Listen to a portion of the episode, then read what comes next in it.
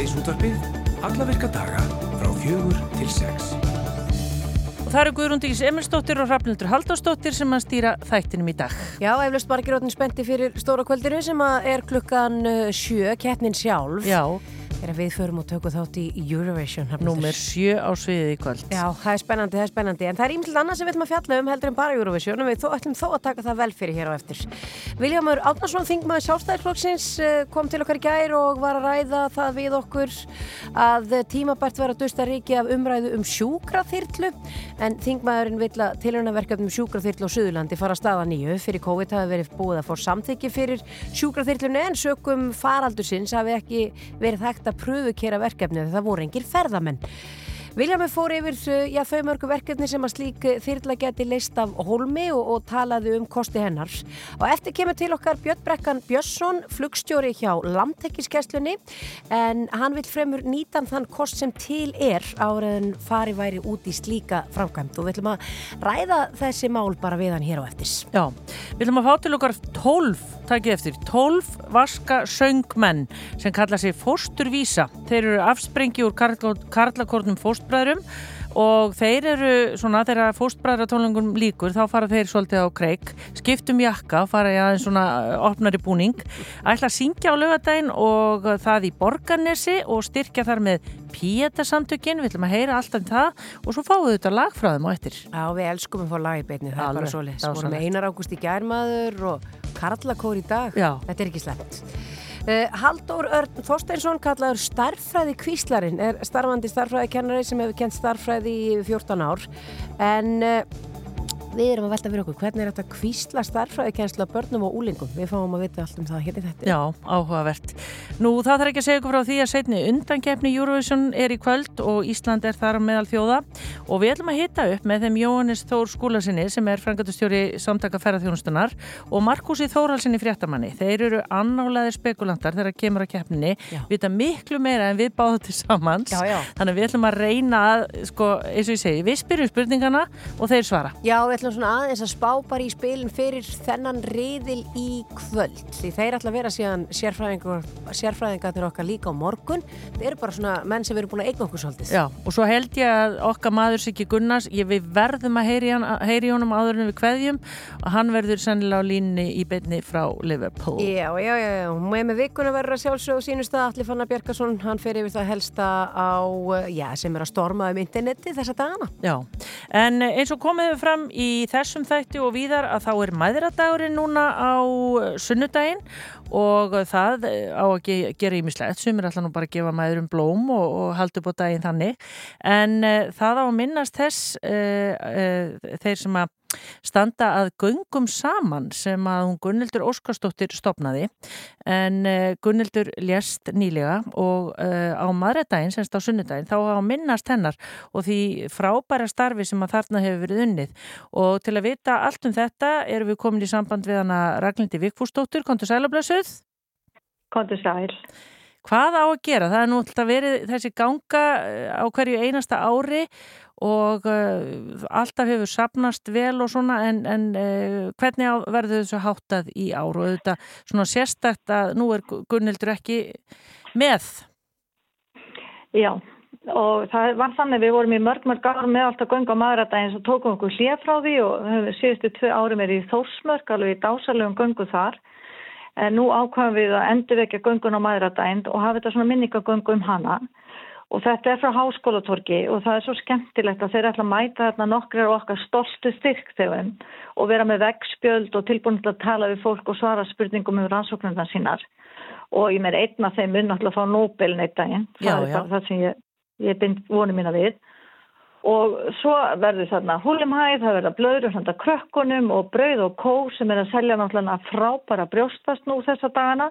Þeir ætla að vera þarna með smá veitingar gefa okkur að smakka og svo ætla Víti Sálega dóttir að taka lagið og syngja þarna kæri heimur ef, ef eitthvað hennar aðdándu verið á staðnum. Og svo ætlum við að leggja staklukan 11 og Guði Aradóttir ætla að leiða okkur þarna í mjög auðvelda göngu, við ætlum bara að ganga þarna yfir göngubrútnar og yfir í hljómskólagarðin og svolítið sving þar og verðum með lúðra lúðrasveit hérna Östubæjar sem ætla að spila fyrir okkur og svona pepp okkur upp þegar við leggjum að staði gönguna Þannig að þetta er bara gleði ganga. Við ætlum að minnast, við ætlum að þakka og við ætlum að gleðjast. Já, en bara svona aðeins af uh, þessu átæki, göngum saman, það er náttúrulega búið að styrkja þarna fjölmörg verkefni. Er, er vitað hvað, hvað þetta eru, hvað þetta er mikil uppað sem hefur sapnast bara fyrir tilstilli gunnildar á þessari göngu? Ég, við erum búin að veita 135 miljónum til, hérna, til vísindamanna hér á Íslandi og við eigum 73 ári í sjóði og ég er náttúrulega vonast til að komi 100 inn. Nei, nei, ég er mjög raunhæf, við erum að vonast til við ætlum að selja þarna nýja höfuklúta sem við kallaðum það buff en það er vist eitthvað sem á höfundar eitthvað því nafni þannig við tölum um þetta með höfuklúta með okkar hérna, merki félagsins þeir verða til sölu en annars er þetta bara gleði og gaman. Já. Aðeins að bara Gunnhildi, hún kom nú til okkar bara í fyrra hingað í sítiðstupið og, og þá voru við að tala einmitt um þessa göngu, göngum saman, þá voru við að fara í þósmersku gönguna. Segðu hlustendum aðeins frá þessari já, orkumiklu og frábæru konu?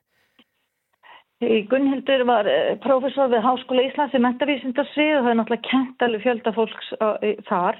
Hún var kennara Guðsnáð, ég held að hún var nýja ára og þannig ákvæður að kennari og árið 2007 þegar hún var semst búið með doktorsverkefni sitt þá ákváði hún að fara í Eivon-göngunni í New York. Hún hafði heyrt viðtal við Ófru Vindfrey, eitthvað svona sjónastáttur og, og bara kveikt í henni og ákvaði að fara. Og náttúrulega allir sem heyrða þessu vildi fara með og við fórum 22 og þá var eitthvað sem saði frá því sko að þetta var náttúrulega synd að vera að fara með allir þessa pening úr landi og þá saði bara einhver önnu við bara skiljum jafn mikið eftir hérna heima Þannig að í staðan fyrir að sapna 800 dólarum þurftum að sapna tvisa sinnum 1800 og svo kom upp þessi stemning að þetta er náttúrulega stopna félag og er að stopna félag og ég man bara, ég var ekkert spennt fyrir því. Nei. Ég var að fara í göngu í New York og ég langaði ekki að stopna félag og ég bara heist er bara um aðeins að ræða þetta.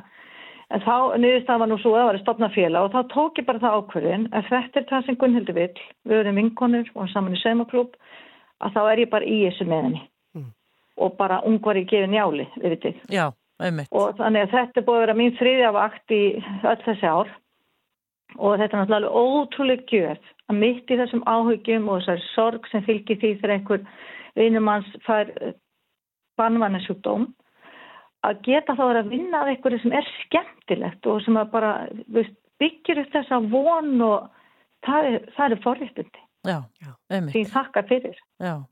Þannig að bæði auðvitað, þeir sem að hérna vilja koma með á sunnudaginn, þeir mætast bara á háskóla, mæta á háskólatór klukkan 11 en svo er bara hægt að fara inn á heimasíðun ykkar eða Facebook 11. eða fyrir 11, maður ætlar að ná runni en svo er bara hægt að styrkja ykkur eða ekki, er þetta ekki allt á Facebook og heimasíðun og eitthvað?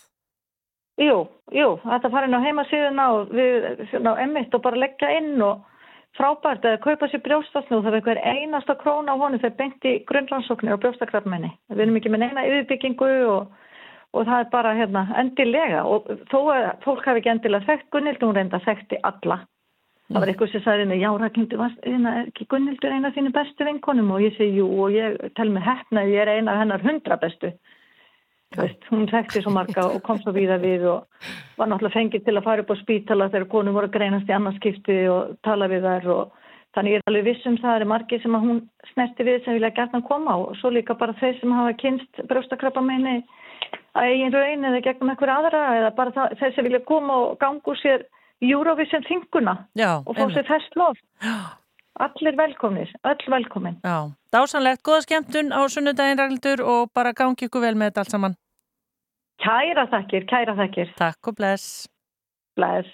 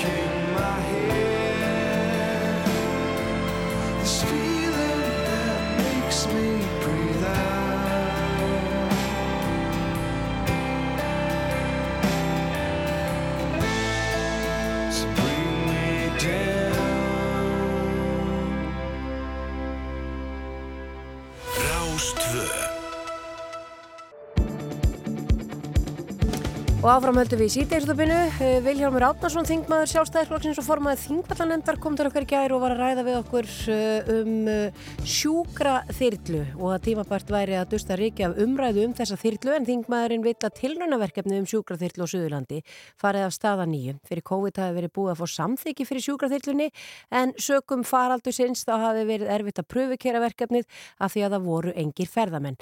Viljálmur þyrla geti leist af hólmi og, og talaði um kosti hennar og já, svona líka rekstrar skilirðin hver þau getur verið.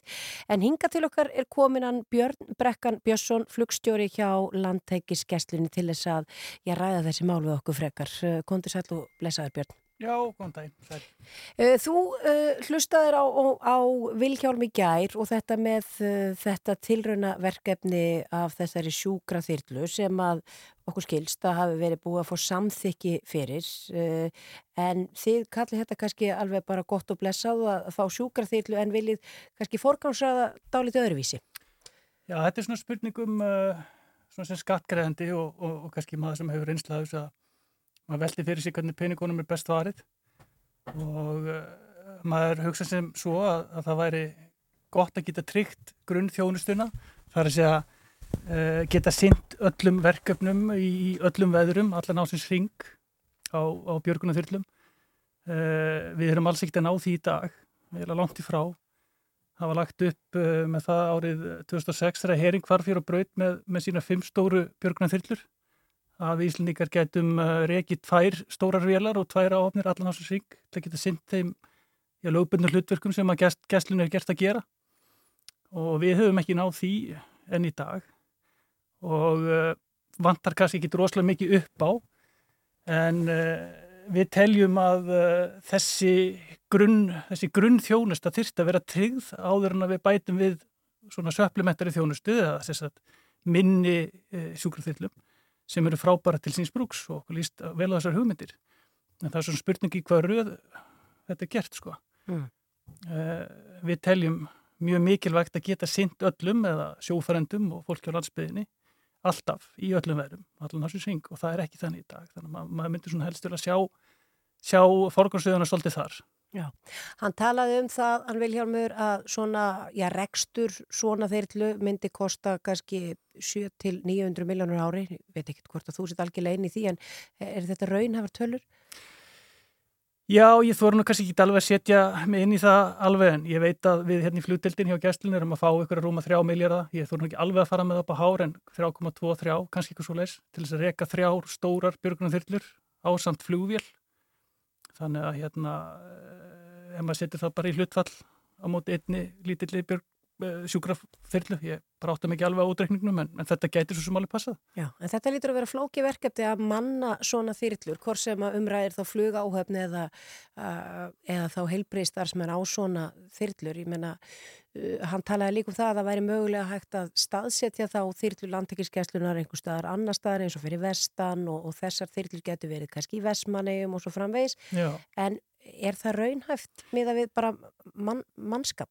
Já, sko við þurftum að bæta svolítið í, við getum uh, reyndar uh, og við svo hugmyndu komið upp að vera með svolítið svona, svona, svona fljótandi þjónustu, þar er að vera, ef við náum að manna tvær vaktir sem náum ekki í dag, uh, þá getum við verið með svona fljótandi viðveru, verið með aðra vaktina á Akur er í tóta, Eilstöðum í tóta, Vesmannum í tóta, þannig að landsbyðin er betur þjónað, þá getur þess, geta þessa velar sint öllum útgöllum, allan á sér seng Eh, staðan er inni þannig í dag hjá okkur sem er svona frekar sorglegt að við erum að leia þrjár stórar mjög öflugar velar sem eru frábærar e, fyrir 80 miljónar mánuði í leigu en við erum að nýta þar afskaplega illa því að við höfum ekki mannskap til þess að halda þeim e, fljúandi nýja áhafn til þess að, að fljúa þeim.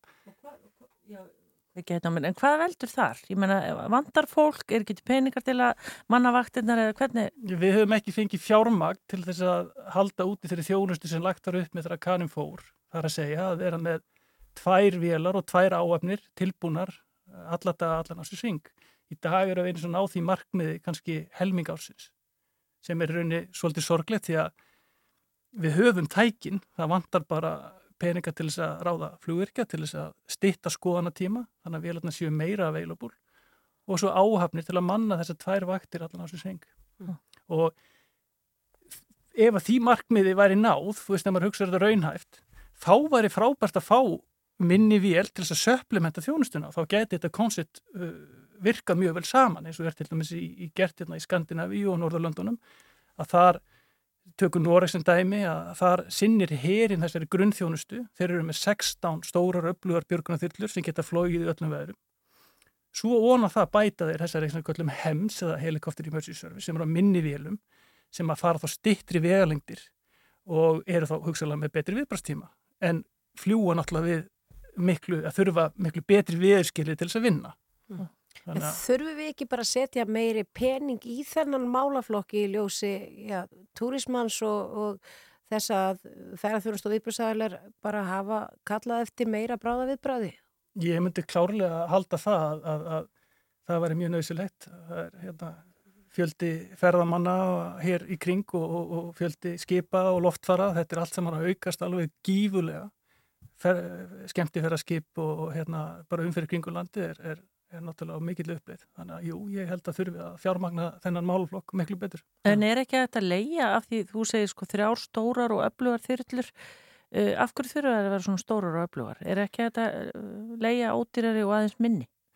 Uh, Veðurferð á Íslandi býður í rauninni ekkit upp á það að það sé verið að fljúa minni við helum uh, í öllum veðurum. Það, það er bara þannig við höfum náttúrulega Ég er búin að vera í þessu frá 1998, 25 ára orðið og, og við vorum með minni vél hjá landskesslunni og ég er búin að vanna svo leiðis vél í, í 15 ár ásamt því að vera á stærri vél.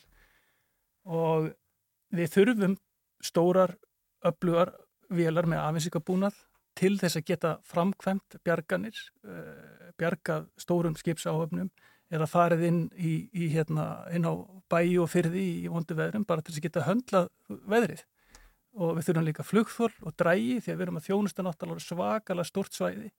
Landi er 101.000 tverrkilometrar, efnarslöksaðin er 758.000 tverrkilometrar Þannig að það þarf stóru öflug tæki til að geta gert þetta örgan hátt. Mm. Ef að tækin eru minni þá bara eikst áhættufaktorinn. Meiri líkur á vesinni, vandamálum eða menn get ekki klára verkefni sko. Viljalmur talaði um það í gæra, já, hann var svona líka að hugsa um þá það að ef að fólk fær heila blófall einhver staðar eða fær hjartáfall og, og svona, þetta væri svona að geta, já, verið með þessa þjónust upp og agút að koma fólki fyrir á sjúkra og svona. Mm Hvað þarf til þess að landtengiskeslu þýrlan sé senda staði? Eru þið að sinna þannig verkefnum eða? Við höfum verið að sinna svoleiðisverkefni á. Eh, það sem að Viljólum er eins og ég skilan er að tala um er bara frábæra hugmyndir og, og ég stið þetta, þetta er alveg verið æðislega viðbútt og myndi bæta þjónustuna gríðalega á Suðurlandinu. En við erum ekki að uppfylla þessa grunnþjónustun, þannig að við getum hugsað þessi slíkt að þú veist, segjum sér svo að við veitum í landinskesslunni ekki meira rekstrafíi, þá erum við með halda grunnþjónustu, við getum ekki treyst á því að fá fulla þjónustu allan þessum syng og svo erum við með sjúkraþyrlu á Suðurlandinu sem getur líka bara flóið við betri aðstæður. Mm -hmm. Þannig að þá, er, þá er þjónustan, þyrlu björgunum þjónustan ekki tryggð. Þannig að við erum að hugsa um að tryggja grunninn, geta flóið öllu við erum og synda öllu með aðeins lengri við, viðbrastíma en bæta svo við sjúkraþyrlunni til þess að söplementa þjónustuna og auka þjónustuna við, við, við, fólki sko. Þannig að þú vilt alveg sjá þetta gerast en þetta er bara ekki tímabært fyrir það að búið að veita meiri fjármönum í málaflokkin þannig að það sé búið að tryggja grunntjónustuna áður við förum í eitthvað svona tvöfaldkerfi. Já, já, eða gera þetta bara samhliða tryggja grunnþjónustuna, jafnframt bæta ofan á hana, það var það besta í stuðinni sko. Já, mér langar að spyrja eins út í sko námið, er þetta, hvernig læri maður að vera þyrliflúmaður? Er það miklu flóknar heldur en að vera flúmaður eða hvernig? Nei, það er nú ekkit mikið flóknar, það er erfitt að gera það á Íslandi þannig að menn þurfa nú svona að fara ellendist til þess að gera það og það er talsveit dýrara. Þetta kostar orðið hátt í 30 miljónir að fá bara grunnréttindin, þannig að það er ekkit hver sem er sem fer í þetta sko. En eru margir að læra? Eða? Nei, ég held að sé nú ekki mjög margir að læra í dag sko og eftir því sem að námi hefur uh, já, verðið að kostnarni hefur aukist, það hefur hérna náttúrulega fólki kannski fækkað í þessu sko, þannig að mannskapurinn er mjög dýr og, og þessi reynsla og þekking sem að sapnast upp hérna hjá okkur er, er, er gríðalega verðmætt og skiptir miklu máli. Takk kærlega fyrir að koma í síti í Sútafbyggð Björn Brekkan Björnsson flugstjóri hjá Landekskesslinu og ræða þessi mál við okkur og gangið vel. Kæra þakki sömulegis.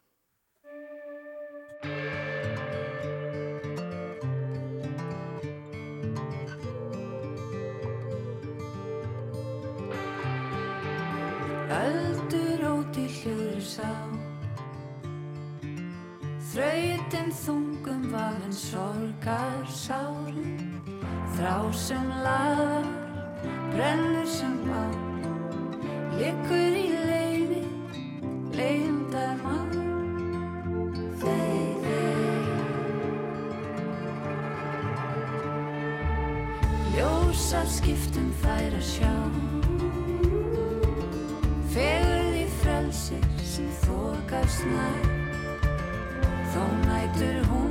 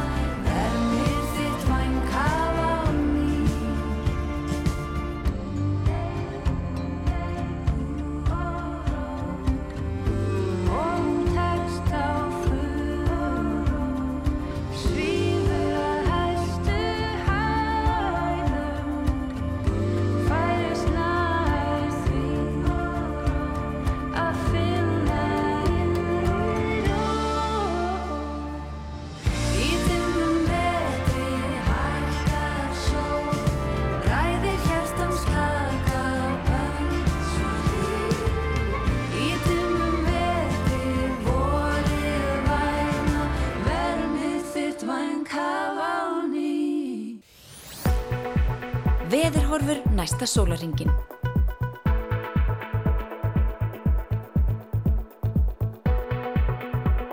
Jæja, ætlar að segja okkur hvernig við veðri verður þegar við grillum yfir Eurovision og eftir. Ég get alltaf ágjur af því, ég var alveg að lofa landsmönu því í gæra að það er bara þurft á öllu landinu en svo eru bara drópar henni í Reykjavík maður. Ha? Það er nú fleiri sem er að fara að horfa á Eurovision en búið í Reykjavík. Nú stend ég hérna með landsbyðinni. Já, ég er alveg saman á því, ég var bara búin að segja eiginlega að það er á öllu landinu, er þið þurft. Já, ok. En verður, ég verð þá bara stjagsett af þeir sem búa hérna á Suðvesturhóðninu.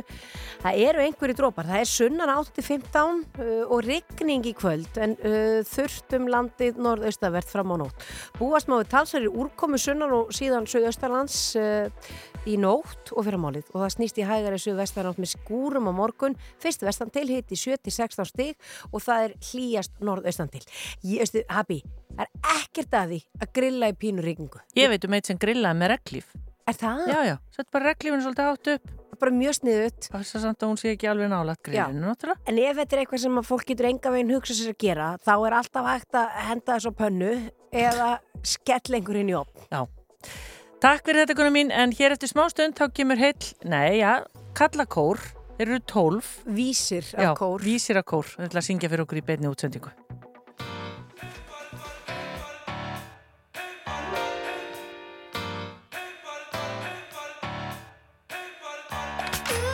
Ég er aldrei minni skikkanlegu Ég veit að kemur betra veður Sýst allt um hrættræna legu En hún er ekki voru á vegu En hei, hei, hei, hei Hvað ætlar þú að gera í því? Já, hei, hei, hei, hei Hvað ætlar þú að gera í því? Ég gerum bara eitthvað gott og gerum það saman Mér er alveg sama hvað bara það er gaman Svífum saman eins og poppis á hlífinni Brotlendur þegar hún týnist í hlífinni Fljúum saman eins og dumba á eirunum Gerum eitthvað gott sem fólk var að heyra um Gerum eitthvað gott sem fólk var að heyra um Gerum eitthvað gott sem fólk var að heyra um Dansum eins og hálfið dag Það er miklu betra að missa sig en missa það Hristum okkur sig í takt Og ef við týnum kúlinu þá sorry með það Skrá engar aðtug og sendir Ég veit að kemur ei heim sendir En það er margt sem er böndir Til þess að guði minn sé kvendi Hún er kona baby. En hei, hei, hei, hei Hvað ætlar þú að gera í því? Já hei, hei, hei, hei Hvað ætlar þú að gera í því?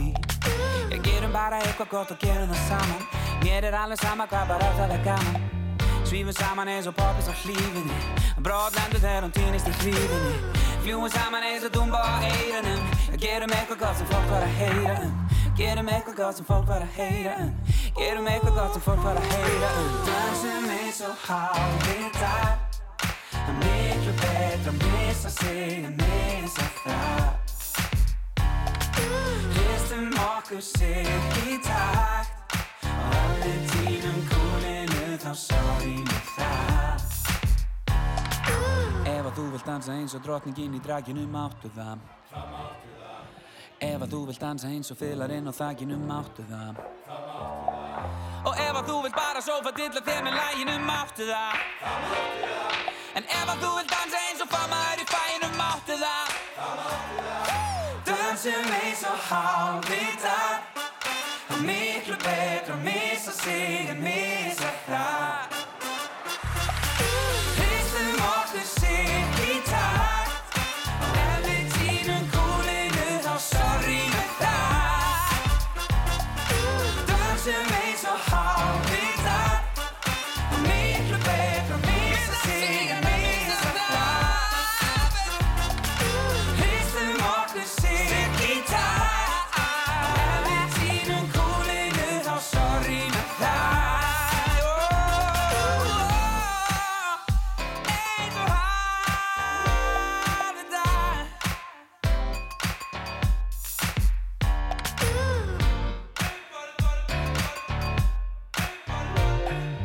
Það er reynilega alltaf verið vittlustinn hjá okkur í sítið þessu útarpinu. Já, já, já, við erum að dansa þessu hálfvitar hérna, það er bara svoleiðis.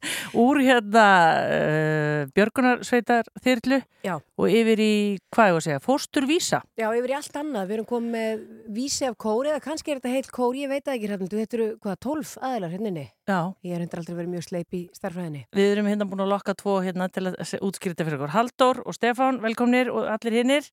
Fósturvísar, Halldór, hvað hva, hérna, hvað fyrirbæri er þetta? Já, takk fyrir, takk fyrir að taka mót okkur. Jú, fóstuvísindir eru söngkópur innan Kallakósins fósbrara. Við erum svona bara lítill hópur sem leikum okkur að syngja kannski önnur lög en svona hefmyndi er að syngja í Kallakórum. Já. Er leiðileg lög þá sem hefur verið að syngja kórtum? Nei, alls ekki sko, bara önnur, önnur. Þannig að við erum, við erum líka, við erum hérna fötur á æsku kórsins, þannig að við erum hérna þess vegna heitir, hefði fóstuvísindir náttúrulega. Nú eru þið yngstir. Já, já, já, allir rétt rúmlega 25. Já. Já, já, þannig að þeir eru bara að syngja hinn lögin fyrir kallana. Já, má segja það sko. Já.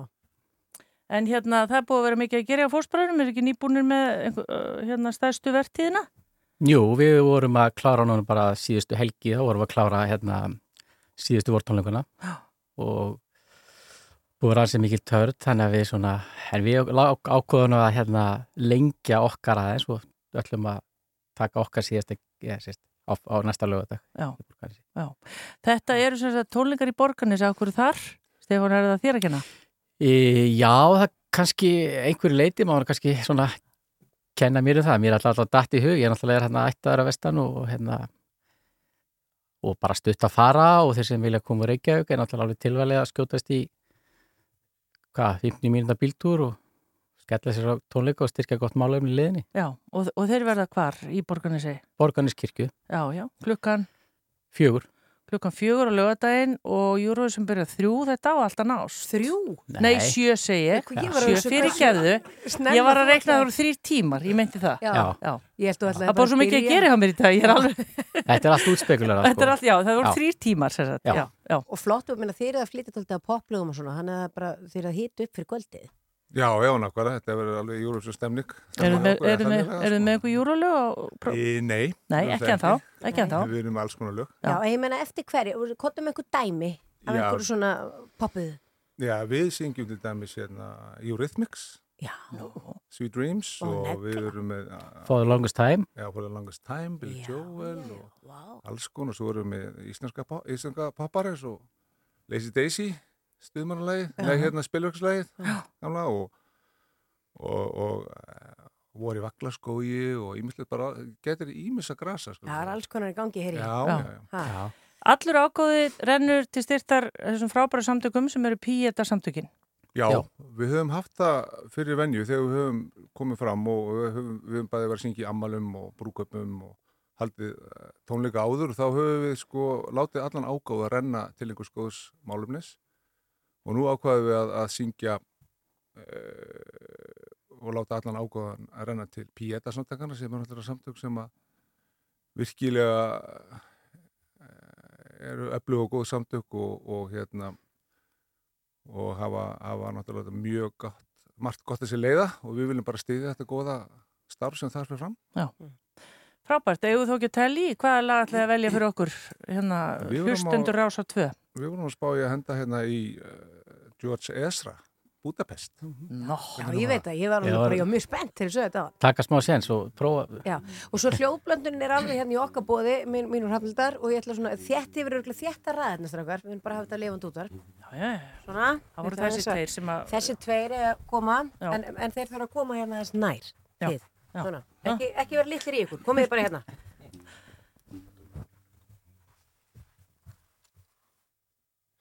Dum do dum. Dum do dum. Dum do dum. Dum do dum. Dum My house in Budapest, my, my hidden treasure chest.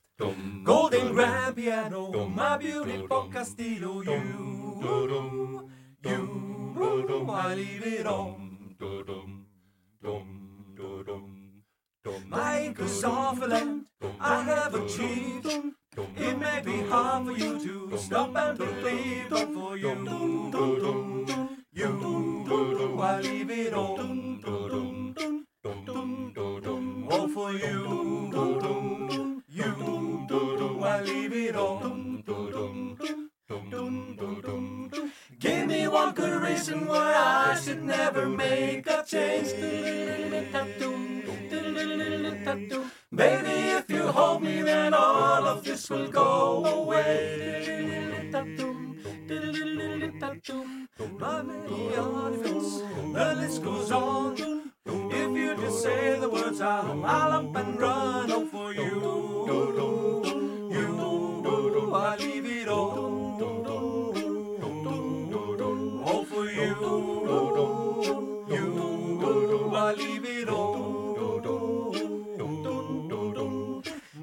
One good reason why I should never make a change.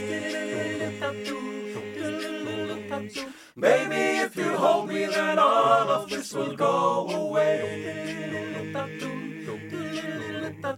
I leave it all, all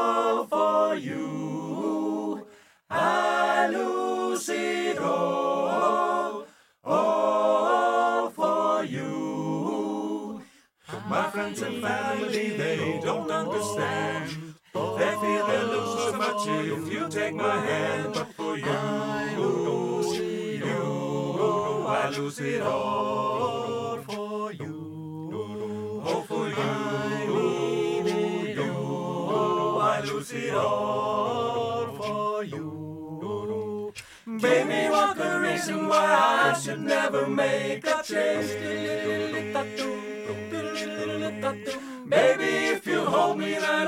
Of this will go away.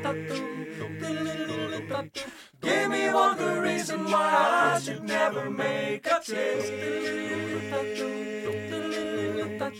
Baby, if you hold me, then all of this will go away.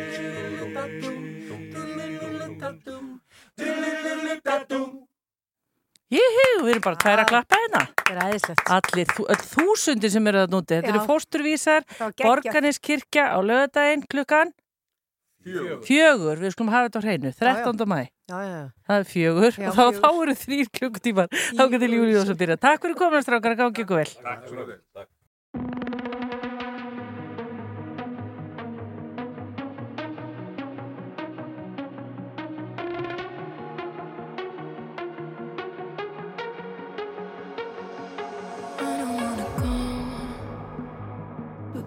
we both know this is not our time.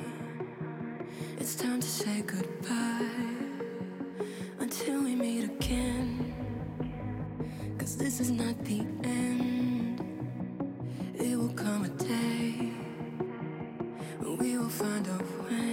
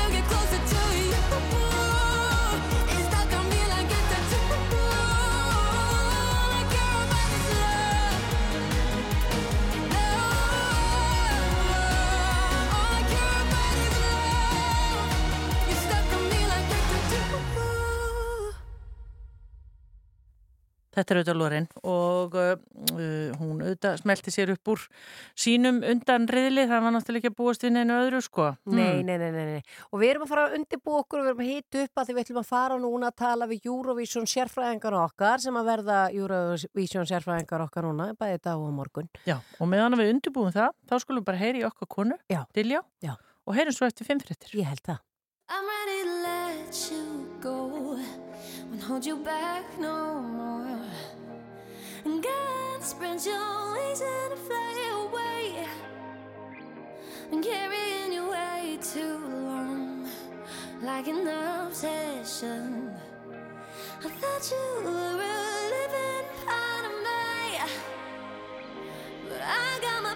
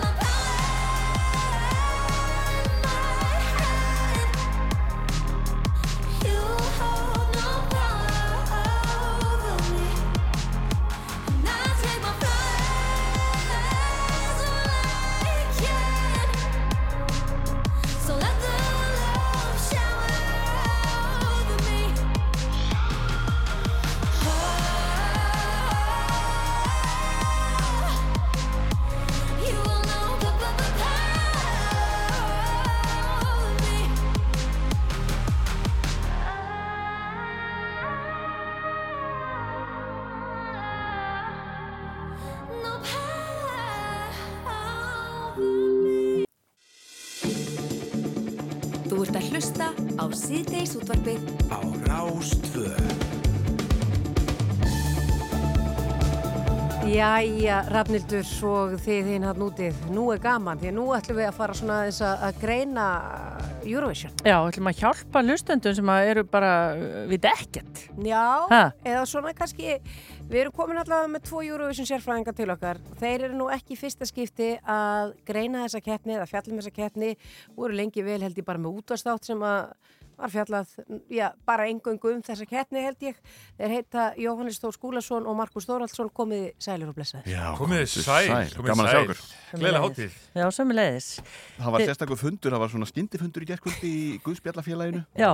Guðspjallamennirnir Eurovision Guðspjallamennirnir Rættu saman um þessa keppni í kvöld og eh, já, komdu bara með spurninguna Ég held að það sé ná best Já, hérna. Við skulum byrja aðeins á þriðutaskvöldinu. Já, Já. já, ég var að fara þangað Já, við þurfum ekki, við ætlum ekki að dvelja lengi við það, en Nei. kannski bara kom eitthvað á óvart Já.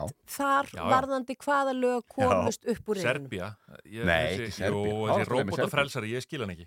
Já, er, það var eitthvað skrítið við þetta. Já, það Það er aldrei mikið um að vera á sviðinu. Það var svolítið mikið um að vera, þetta var, já, þetta var tölvuleikir og, og ég veit það ekki, ég, hérna, Er það lægi Ég veit sem er svona hatarblæja? Já, Já. Já. Mér finnst það flott, en ég var hissa á skrýtna flautuð þeitara þarna frá Moldó Ég Nei, bara, sko, skildi- breytist aldrei, Markus. Nei, ég veit það. Eurovision Nation fílar bara Já, smáast að menn sem spila á flautu. Já, ég bara var búinn að gleyma því, Þetta sko, er bara...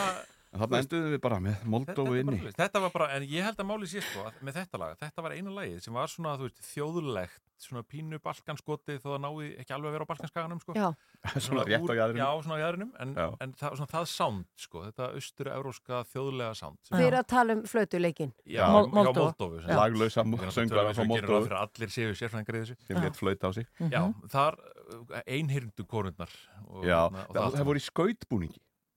Heitir það ekki? Heitir þetta faldbúningur? Moldóskur skautbúningur. Já, gerður úr hárinu á þeim. Já. Eitthvað fleira? Já, mm, já, Eitthvað já. sem stóð upp úr að ykkar mati? Já, mér fannst Króati æðisleg. Já. Króta voru frábærir. Þetta, þetta lag, maður hristi náttúrulega bara hausinn þegar við sáum þetta fyrst sko, í undakefnin en, en hérna... Þetta? Já. mamma stu. Mamma stu. En þetta er náttúrulega, sko, það er algjör snill að geta verið í keppni eins og þessari, það sem ekki má vera með einn pólitísk skilabóð, að sko nánast sko blæða pólitískum skilabóðum á sviðið án þess að gera það. Maður þarf ekki að kunna mikið í Króati sko, til að skilja hvað þeir eru að syngja. Nei, menn þetta var bara alveg súper augljós skilabóð, sko. Hérna, Þetta var svona innræðisherra lag. Já, já, æðist. Stórkostlegt bara. Já, en það er eiginlega skemmtilega samt í útvarpi. Ég heyrði það í morgun þegar ég var að aka um borgina og ég bara lastaði bort, ég var 17 aftur og þetta er bara, þetta er svo flott útvarp. það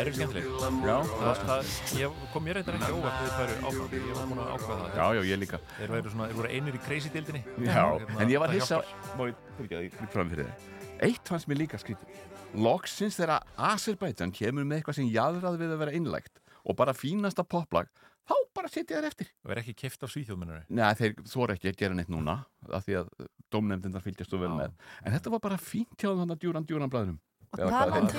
Merri og Pippin úr Ringadrottins sögu. Já, sem kunni ekki að hljóðfæri. Í 70s fötum. En þá sátu þeir eftir. Já, er fínt lag. Þeir voru með ágætislag en, en það svona, já, var nú pínu fyrir sjánlegt fannst mér að þeir færi ekki áfram. En eitthvað Þetta var annað- Azerbaijan.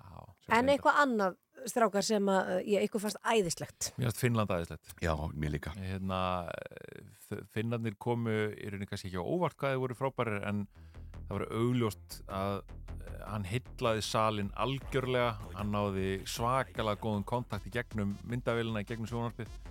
Ég held að hann hafi farið langt með að, já, ég segja ekki hann sé búinn að velta Queen Lorraine af stallinum en ég held að hann farið helvítið langt með það. Það fara að braka í hásættinu. Já, algjörlega. Hlustum aðeins á þetta.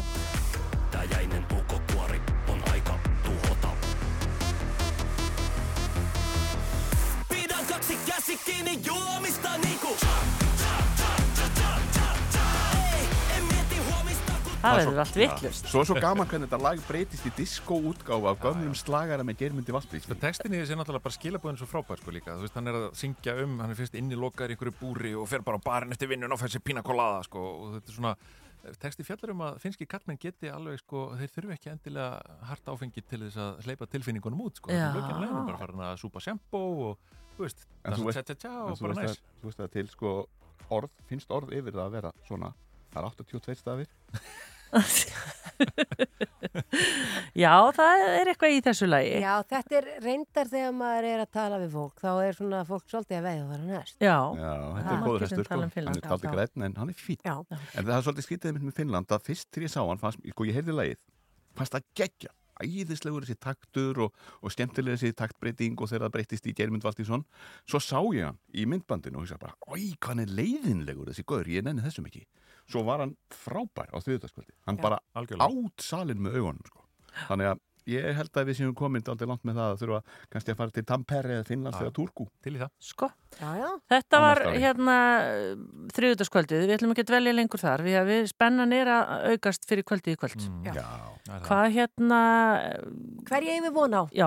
Eigum við að segja hvað við skrifuðum í þúttagjörðinu í hér? Já, Ert þú þetta ekki með það, Jónas? Þetta er allt svona, þe- þessi reyðill er mun slakari heldur en á þriðdægin og hann er mun óspáumlegri. Það er, Það er erfiðara að spá. ferlega erfitt að Já, spá um er það nú hvað fer slíkt að spá, það. Þetta var svolítið augljóst á, á það augljóst að sko veðbankni voru með tíu rétta á. Já.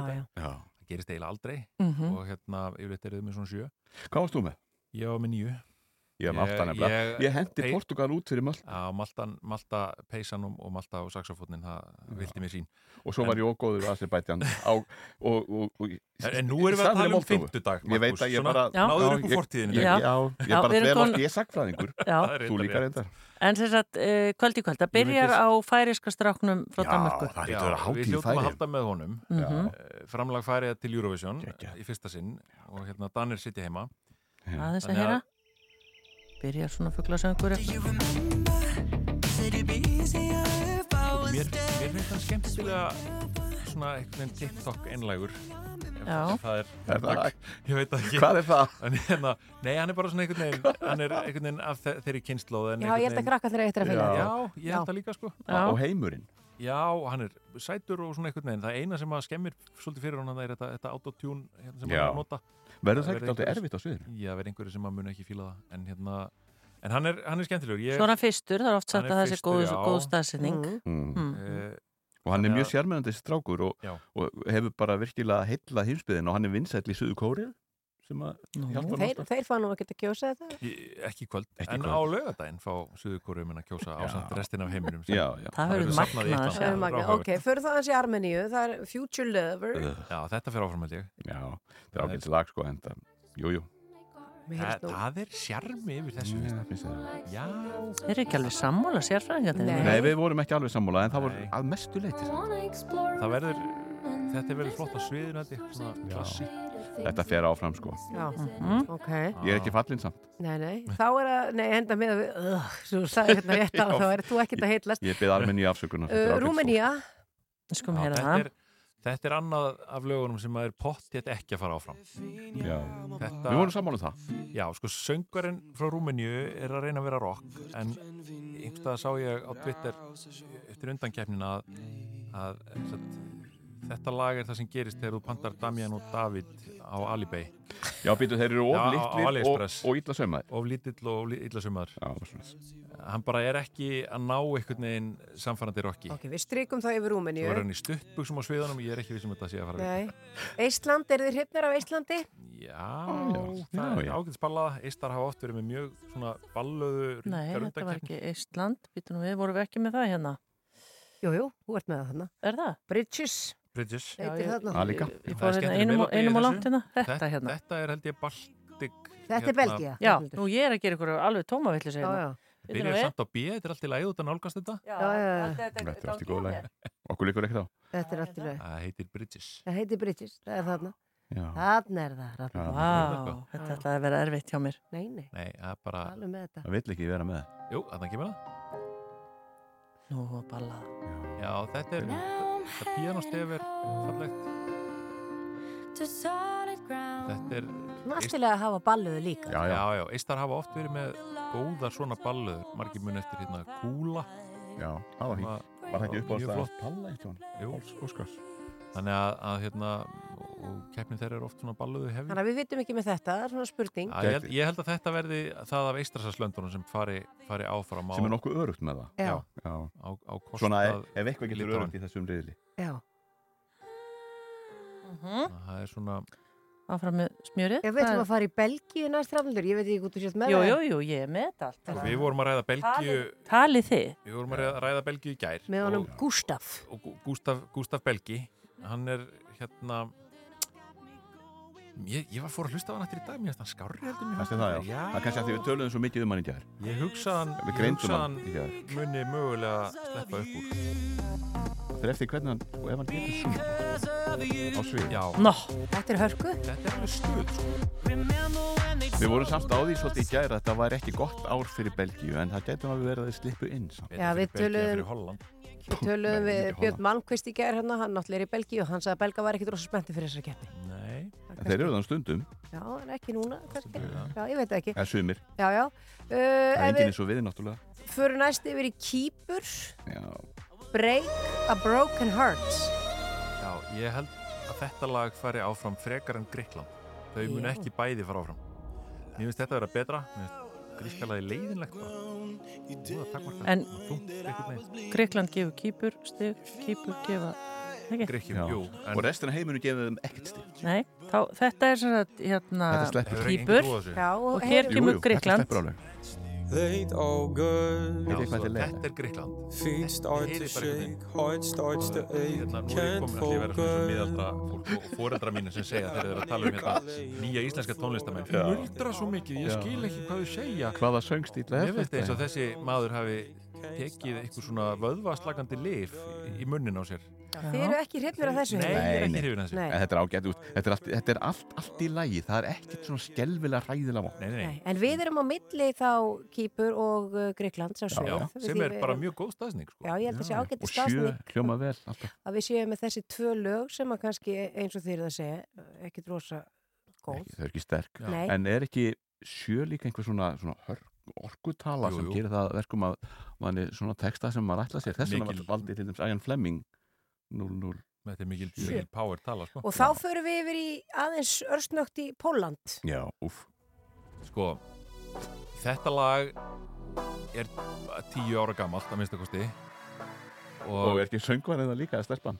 Nei, hún er kannski hún er 14 Hún er ekki, ekki nýjinn að aldrei að minnsta kosti En sko, Og þetta voru ekki er- aldursfordómar fyrir gefið Nei, en sko, það er spurning hvað kemur út úr að þetta var náttúrulega mikil skandall þegar þetta var valið því að reglunum var breytt alveg bara rétt fyrir keppni til þess að lagið sem allir vildu að, að inni myndi ekki vinna Er hún ekki eitthvað tengt inn í fjölskylduna? Ég veit það ekki en Jú, ég held að aðal vandamálið var bara gæinn sem var vinsalastur var alltaf gay fyrir Póland en Nó. hérna e, og þess vegna var það brjálað Þannig að þá senda þér gamaldags slag með ungri söngunu. Já, Já. sko þetta fer held ég að stóru hluta eftir því hvort að uh, hún heldur lægi á sviðinu því Já. að það er svona Það- það er kannski spurningin hún, oft hún hefur verið off og on með það Já. Já, ég mitt heyrði í Eurovision sérfræðingunum hjá uh, Felix, þau voru ekki hrifin af framistöðunar á sviði Nú, já. Nei. en það getur vel verið að hún sjarmi heiminn allan og, og, og Evrópu með og uh, fljúu upp úr þessum riðli. Ma, þetta er allt svona, við, eiginlega svörin eru svolítið eins og við séum í stjórnmálum. Já. þetta gæti, gæti ekki. Gæti, gæti ekki. Þá er það Slóvenía, Carpe Diem. Já, þetta er eitt af strákaböndunum. Já, þetta er allt í lagi líka. Ég held að þetta fari upp. Já, já, við vorum samfærum um það í gæðir alltaf Þetta og hérna Já, Já, já. Ástralinir verða held í svona böndin sem fara. Já, sem böndir sem fara. Við mögum eftir að heyri Ástralíu hérna aðeins og eftir og Georgia næst, Echo heitir þetta lag. Já, ég held að Georgia sitji eftir Þetta er ekki, ég er ekki hrifin að þessu Það er reyndar eitt af það sem gerir það sem gerir flókið að spáum hennar reyðir er hvað það er mikið af löndum austantjalds Já. eða, austan, maður segir það nú ekki lengur í austur. Já, já. Þannig að það er Eh, kannski Þannig að. Það er svolítið flókið að spá það vegna þess að þau eru líklega til þess að gefa stig þess og kruss Já. Pólverjar til dæmis eru mjög líklega til þess að fá mjög mikið af svona velvilda stigum út á bara hlutverk sitt í, í hérna e, Úkrænu stríðinu Úkraína greiðir atkvæði í þessum riðli. unni þar, já, til dæmis þannig að, að hérna, það er svona ýmislegt annað en músíkin sem að veldur því hvert stíin lenda í þessu Já. samhengi eins og alltaf er Já. og þarna eh, til dæmis vantar til dæmis öll Norðurlöndin mikið af vestur-Európa þjóðunum þannig að hérna Þetta verður áhugavert að sjá hvernig þetta skiptist sko. Og svo tíminn er nú að hlaupa frá okkur Já, nú, í alvöru. Já, já, í alvöru. Hvað af þessum sem eftir eru Já. að spila? Við erum með San Marino. Spilum Austurríki, Já. Austuríki, erum við spennt fyrir Það er því? geggjað Ég held að það sé eina lagi sem er pottið alveg Já, örugt upp úr. pottitt Oh my Pottitt áfram. god, you're such a good writer. Oh, it's not. Þetta er svo skemmtilegt Who the hell is Edgar? There's a ghost in my body and he is a lyricist.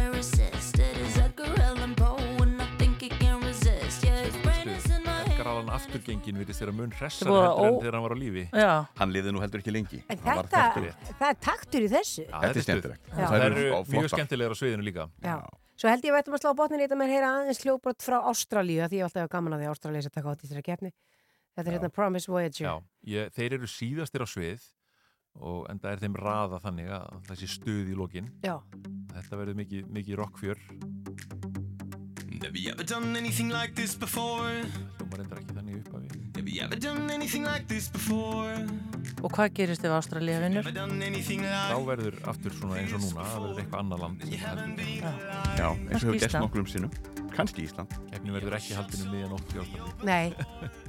Það verður gaman að fara þangað. En Ísland Já, sko, við Já. spilum þannig bláðanstrákar, en hvað er, er okkar kona að komast áfram? Það fer eftir í hvernig hún verður á sviðinu. Ég held að það skiptir miklu máli og hún nái miklum kontakt við gerir, tækir svolítið Jóhannu Guðrún á þetta þó að þetta lag séu þetta allt öðruvísi heldur en, en ballaðan um Is It True. Já. en ég hef grunum það að ef hún nær auksambandi og uh, verður jafn sérmennandi eins og hún er Í raun og veru, raun og veru þá, þá fer Ísland upp úr þessum reyðli og við getum haldið gott Eurovision party á lögadaginn ég vona við þurfum ekki að mæta hér nýpnir eftir, eftir uh, bara einhvers konar neyðarfönd hjá, hjá uh, Við erum náttúrulega búin að vera svo mikið út um allt við erum raskiltir hérna morgun.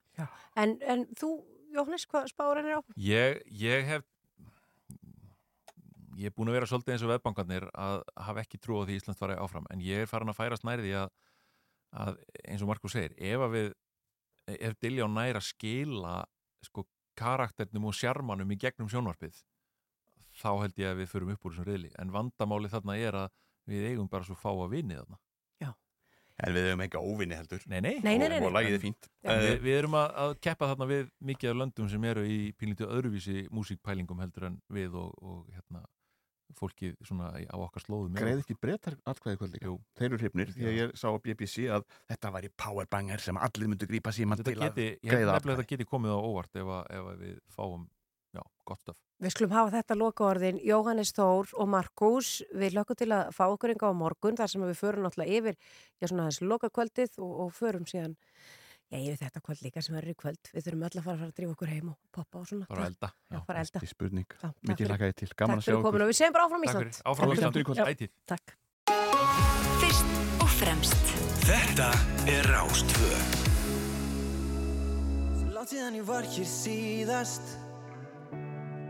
Stóðum á topnum fyrir 13 árum síðan. Nú hef ég gengið gegnum tvenna tíma. Bannandi mönnum er sem best að lifa, lifa. Ég hugsa um mystikinn, sambundinn, vinni sem að undirlættu Maðurinn sem ég var, reyndist vera rángri stefnu. En í dag, hjartalag, mitt er en það sam og síðast. Strákur sem að vildi skín en þurfti bara lengri tíma. Ég sé, ég sé heiminn nú frá fleiri sjónarhornum. Ég sé, orðin stoltur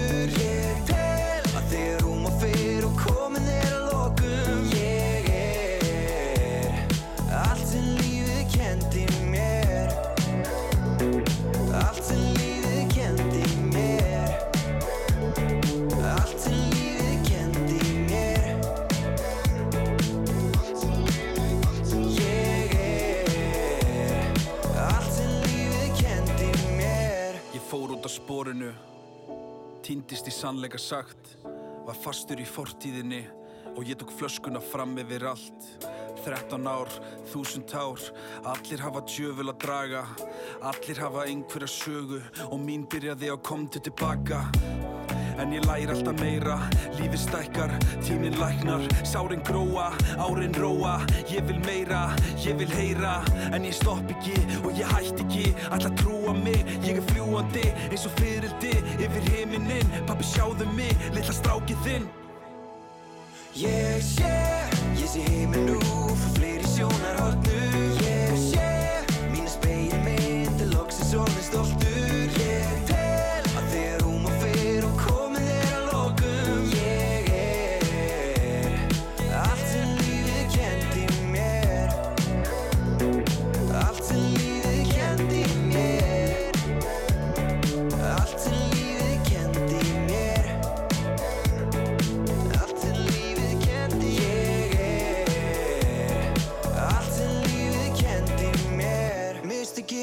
Sambundinn Vinni sem að undirlendu Maðurinn sem ég var Reyndist vera rángri stefnu.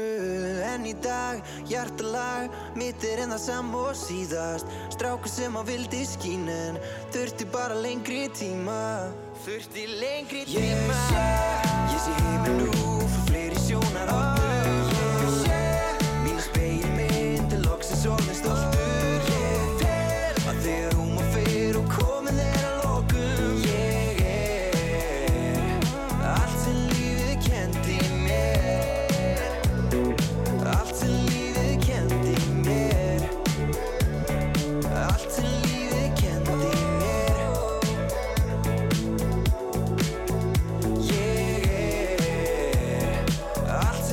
Og það er sannarlega þannig Gunna, að við erum úr einu í annað hérna í útvarpinu í dag. Já, við vöðum daldið áfram en, en það er allt í lagi, það má. Já, kallakór og, og hérna þyrlur og, og ég veit ekki hvað við erum, og Eurovision auðvitað. Og ganga. Og ganga. Já, já. En nú ætlum við að tala um starffræði því að það var nú þannig að einhvern veginn, ég veit ekki hvort þú tekið eftir einhvern á Facebook, þá koma svona alltaf ákveðna svona auglýsingar eins og sé að vera að tala við þig.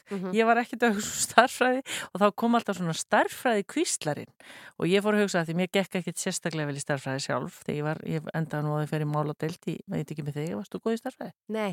Nei. Nei, ég kláraði þetta allt en, en þetta, þetta, þetta var erfitt fyrir mig. Ég þurfti alveg að hafa fyrir þessu. Já, ummitt.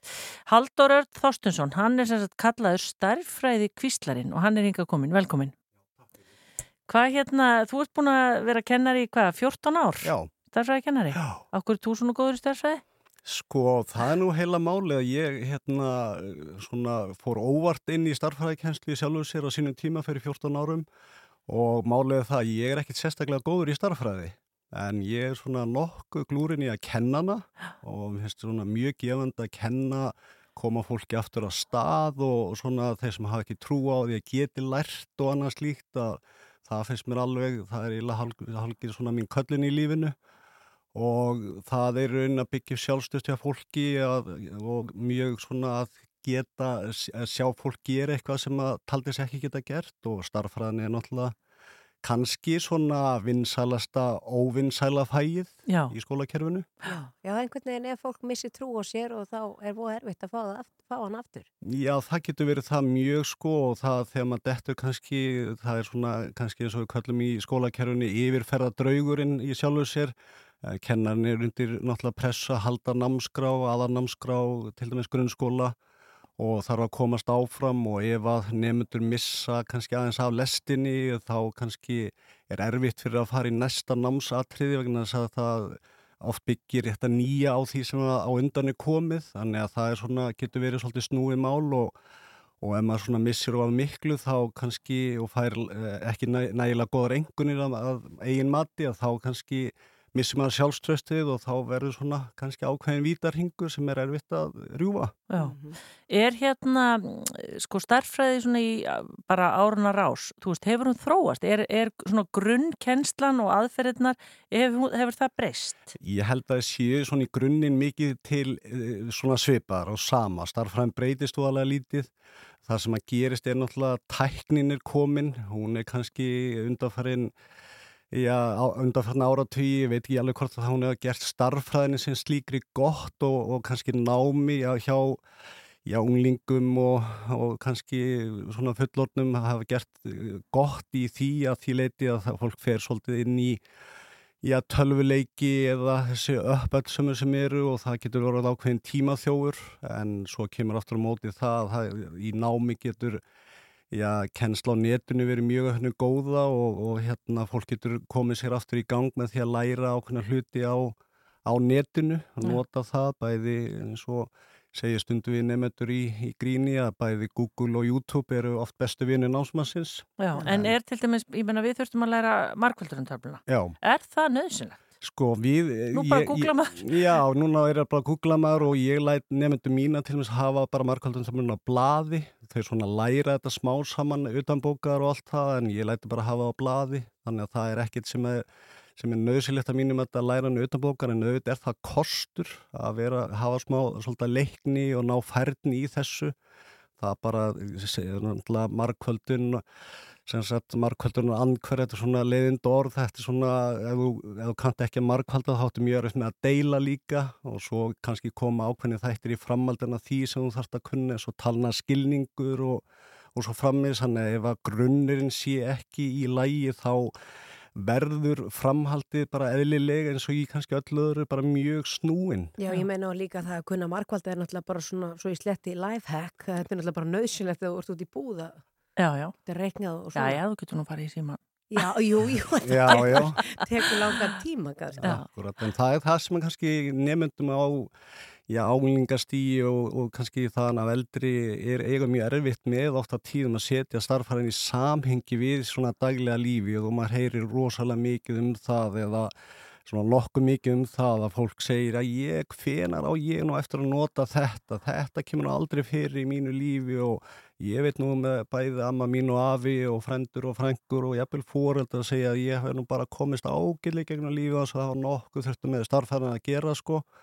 En auðvitað er það þannig að, að starffræðin er svolítið rökin kannski fyrir þessu eru þau að við þurfum náttúrulega í okkar lífi, allavega í mínu lífi er það þannig ég hef mín vandamál og allt það og við öll höfum það náttúrulega og, og það er þannig ég þarf að átta mig á því um hvað máli snýst, um hvað vandamáli snýst og síðan tek ég kannski tvö, þrjú skref í áttina lausninni og svo finn ég ykkur að loka niðurstuð á þessu vandamáli og, og það er bara rökhugsim sem, sem ég þarf til þess að leysa þetta vandamál og það er alveg sama með bara gott starffræðidæmi ef ég sé með það hérna, þá þarf ég alltaf að byrja á því að átta mig á því, fá ykkur að leifinningar og kennslum það hvernig ég eigi að leysa viðkomandi dæmaflokk og síðan eh, rauninni teki ykkur tvö, þrjú skref í áttina því með þá kennslu og leifinningar sem ég hef fengið og finn síðan niðurstöðu. Þannig að auðvitað er það þannig að eins og margt annað hjálpar okkur til við rökhugsun í hinnu daglega lífi og og svo er náttúrulega bara áfram með það kannski að þá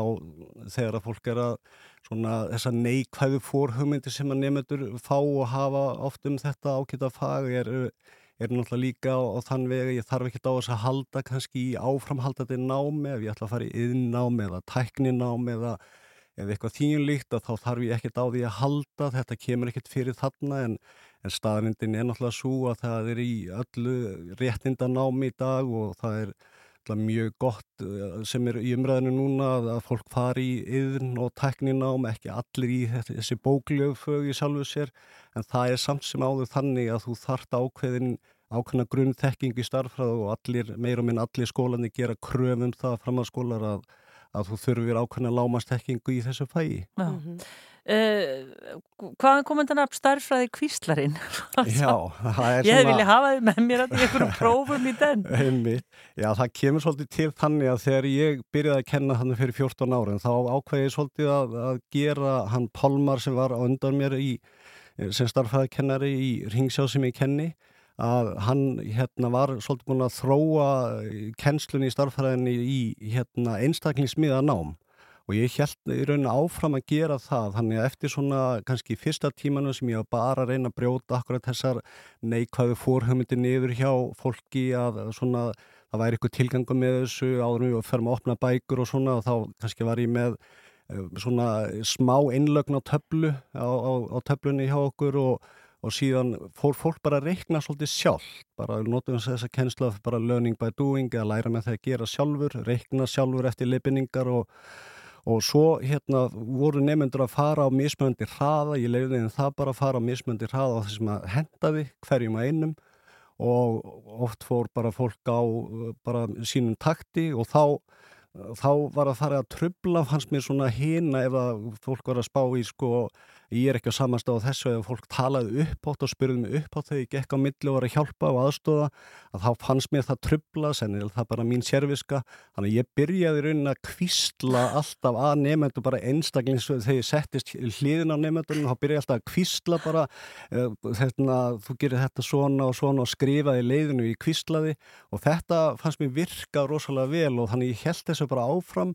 Og síðan fyrir einhverjum árum síðan þá þá hérna byrjuði nefndur að kalla mig starffræði kvíslaran Já. og ég fekk mér að segja einu sinni hérna útskiptar hérna réttur útskipt hjá hérna nefndum, nefnduhópa einum þá, þá fekk ég ból sem stóð á haldur starffræði kvíslarin og þannig að mér fannst þetta náttúrulega bara stór sniðut og þannig að þetta svona festi smá við mig og ég hef bara mjög gaman að þessu og svo þegar ég byrjaði á þessu verkefni sem ég er núni í að þá, þá hérna ákveði bara okkur ég, ég nýti mig þetta. Já, ég er bara haldur starfræði kvíslari. Já. Uh, þú ert með þessa heimasíðu, þú geta, allir geta kíkt á þetta þar, þetta er mjög áhugavert og ég veit eins og ég segi, ekki okkur þetta sogaðist svona að mér, ég varð bara að taka viðtal við haldur, Já. bara frábært eh, verkefni, loka spurning, geta allir lært starfræði? Já, ég er alveg viss um það að það geta allir starffræði. Það, þú þarf náttúrulega að vilja, þú þarf að vera tilbúin til þess að hafa svona jákvæmt hugafár, lá, láta reyna á þetta, byrja, það er náttúrulega mjög mikilvægt að byrja, ekki fresta endalaust og koma sér til dæmis eins og í ringsjá sem við erum að fá fólk 18 ára eldra sem að telur sig kannski ekki geta lært starffræði á fleiri fög og komið sér áfram í lífinu að koma og byrja og við horfið þar að vera í lægi dugnaður og samvesku sem kemur okkur mjög langt og ég er alveg samfærið um það að það geta allir það. Haldur Örd Þorstinsson eða starffræði kvíslarinn, takk fyrir komuna í sítið þessu útvarpið. Takk, takk. Þá komum við að þessu, Rafnildur. Uh, við erum búin að tala náttúrulega mikið um Eurovision uh, það er komið að vikulegum dagskrálið með grunar að verði ekki Eurovision í honum á þess að ég viti það uh, að því ekki að þessi komið allt og mikið að því en, en það er bara margt annað að gerast líka á internetinu og í heiminum annað en Eurovision hann heitir Alli Fannar Bjarkarsson og hann ætlar að fara í með með vikunar skondir sæl Jú, komið sælar. Takk fyrir að hafa mig. Vertu velkomin. Takk. Já, með með vikunar. Hérna við, sko, mér langar eiginlega bara við byrjum á því bara að hlusta á með með vikunar. Bara, hlustum á það bara núna.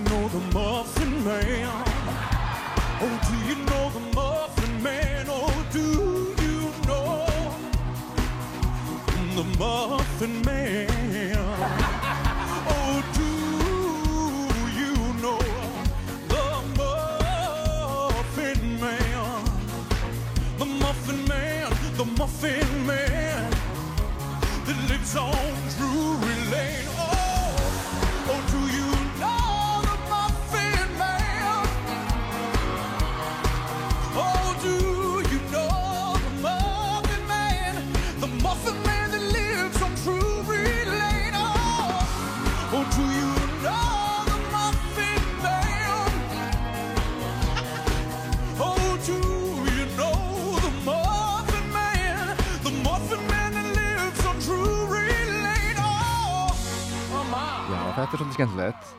Þetta er semst Adam Lambert, söngvari sem, að, sem að við konumst kannski við sem að hann vann, vann ekki ædolið. Eða vann, hann vann svona keppni. Jú, hann var allavega í amríska ætilinu Já, já, já. Man já. ekki hvort hann vann það eða hvort hann var í öðru seti eða eitthvað svolítið en hann allavega fór mjög langt Hann er búinn að vera bara í, í hörku geimi síðan þá, en hann var hann hjá Jimmy Fallon og var að syngja, hann átti að syngja sem sagt, þetta, þetta lag sem er The Muffin Man, syngja það eins og sér og tókst vel upp að mínu mati, þetta er mjög skemmtilegt hjá hannum, nema hvað, núna er þetta, og þetta var í apríl og nú er þetta búið að fara eins og eldur í sinu, búið að þjóta um nettheima og fólk er byrjað að gera svona eigin útgáfur af þessu myndbandi við þetta lag. Mm. Á TikTok eða hvað? Já, á TikTok, rosa mikið á TikTok að fólk tekur svona hljóðklippur og leikur svo, þykist þér að syngja þetta og, og það er verið að leika hann að já, fólk er bara að leika lagið. Og þetta er svolítið fyndið, þannig ég hvet alveg fólk til að fara á, á, á, TikTok og leita að þessu, þetta er mjög skemmtilegt ef þetta er ekki búið að poppa upp hjá því. Þetta er, mér finnst þetta fyrir út um allt. Ég horfði á eitt minnbútt svona á TikTok og svo fekk ég bara öll í einu, þannig virkar þetta sko. Og það er búið, de- sko, búið framlega sko, meir en 60.000 svona minnbönd bara frá því apríl. Bara taka þetta lag og gera þetta sínu. En þetta er svona, en sagan á baku svona The Muffin Man, það er það er líka svolítið skemmtilegt dæmi og eiginlega bara sjálfstætt með mig ef við kannski að heyra hvernig svona upprunlega lagið er The Muffin Man Fresh muffins hot out of the oven. Oh, do you know the Muffin Man, the Muffin Man,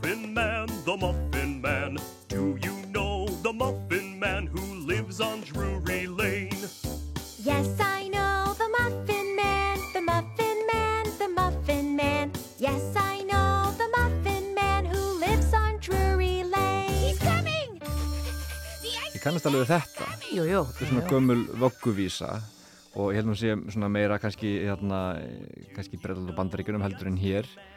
En allavega þetta er hérna vögguvísan um The Muffin Man og, og, og hún varði eiginlega að svona sjálfstæðu eða svona öðru með mig bara fyrir tveimur árum. Þegar maður sem að kalla sig uh, svona the CEO of history sögu fórstjórin þykist vita voða mikið um sögu og hann var á TikTok að segja að, að þessi, þetta lag sé, hafi verið sungið fyrir börn bara á, á 16. öld til þess að varaði við fjöldamorðingja Já. varaði sérst við bakara sem varð fjöldamorðingi á að hafa lokkað til sín börn með, með, því, að, með því að gefa einn muffin kukur, muffinskukur Þetta er óhuguleg saga hún er, hún er það, hræðileg og enda náði þetta bara þvílíkri dreifingu hann sagði frá þessu og allir trúðu þessu og, og þetta fór bara um allt að, að fólk, eh, fólk sko, fór að tengja þetta, þessa litlu sætu vísu við, við hræðilega hluti út af eh, myndbandi á TikTok. Nema hvað, en þetta er bara ekki alveg rétt. Og þetta er svona hann byggir sína sögu hérna, þessi sögu fórstjóri á bara einhverju bulli.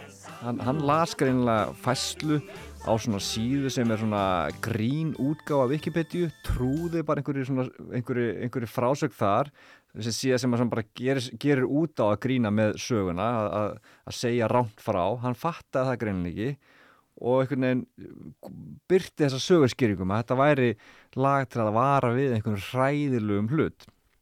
Og það er bara ekki alveg þannig og, og, og það veitir rauningin sko alveg nákvæmlega svona hvað er verið að sí- eða hvernig er verið að syngja um verið að tala um The Muffin Man. Já.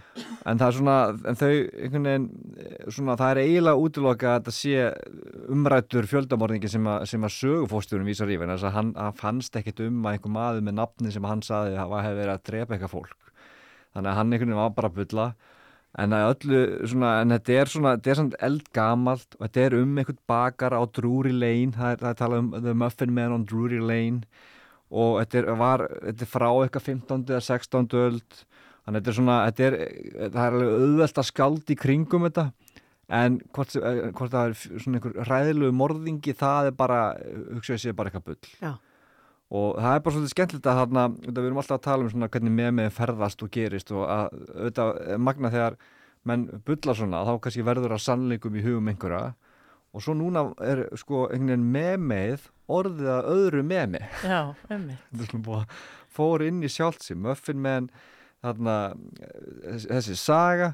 Og svo, og svo fer maður þarna, ma, ma, og svo kenns maður henni út af því að maður fór að skoða þarna, þetta nýja með mig um að syngja þetta lag eins og sér þannig að þetta er svona, þetta er, þetta er svona einhvern, e, tvö með mig búin að klessast saman einhvern veginn Já, og engin veit eiginlega hvaða punktur kveikir í þessu einhvern veginn. Nei, einmitt, sko, einmitt, þetta er náttúrulega rosalega svona fræg vögguvísa, þannig að ef þú ætlar að, svona, ætlar að þykjast vita eitthvað rosalega mikið um, um upprunan og kemur með eitthvað svona, svona, svona, svona, svona fanatíska sögu um, um, þarna, um uppruna, þetta hafi verið einmitt, og verið að vara við fjöldamorðingja sem notaði muffinsköku til að lokka börn áður hann að myrtu, eitthvað, svona sko, þá held ég að sé auðvelt að ná dreifingu á miðlinn svo TikTok fólki verið bara guðminn góður og hann að vera að reyna að, byrta, dreifa þessu lengra sko. Já, en það sem er gott við allir er að núna eh, allavega er komin er fullt af með með um, þetta, það er að segja, þú veist það er verið að byrta vídeo, fólk að syngja þetta svona og góðlega og hafa gaman og gera Já. grín, hann er kannski búið að létta þetta eins aftur. Já, Farið úr þessum hryllingi. Það er góða punktur, kannski búið að létta álögunum af þessu, þessari, þessari vögguvísu, kannski var svolítið búið að eigðalegjana, en kannski er Adam Lambert búin að svona að, reysa hann aftur á lappir. Já, og svo við aukum aðeins við þessi 60.000 Já. myndbönd, Hva, hvernig á fólk að finna þetta? bara fara á TikTok og leita bara Muffin Man þá fáðu bara óteljandi já, óteljandi, rúmlega 60.000 myndbönd þar sem fólk er að, er, að, er að leika þetta eftir og líka auðvitað gaman að skoða myndbandið með Adnan Lambert hjá tími fallanum þess að hann er, hann er greinlega frábær eftir hann þetta, þetta er mjög líkt sér Já, fólk er svo ótrúlega 60.000 myndbönd. Já, já. Já. Allir, takk fyrir þetta, við ætlum að fara að leipa þér heim, það er að byrja Eurovision. Takk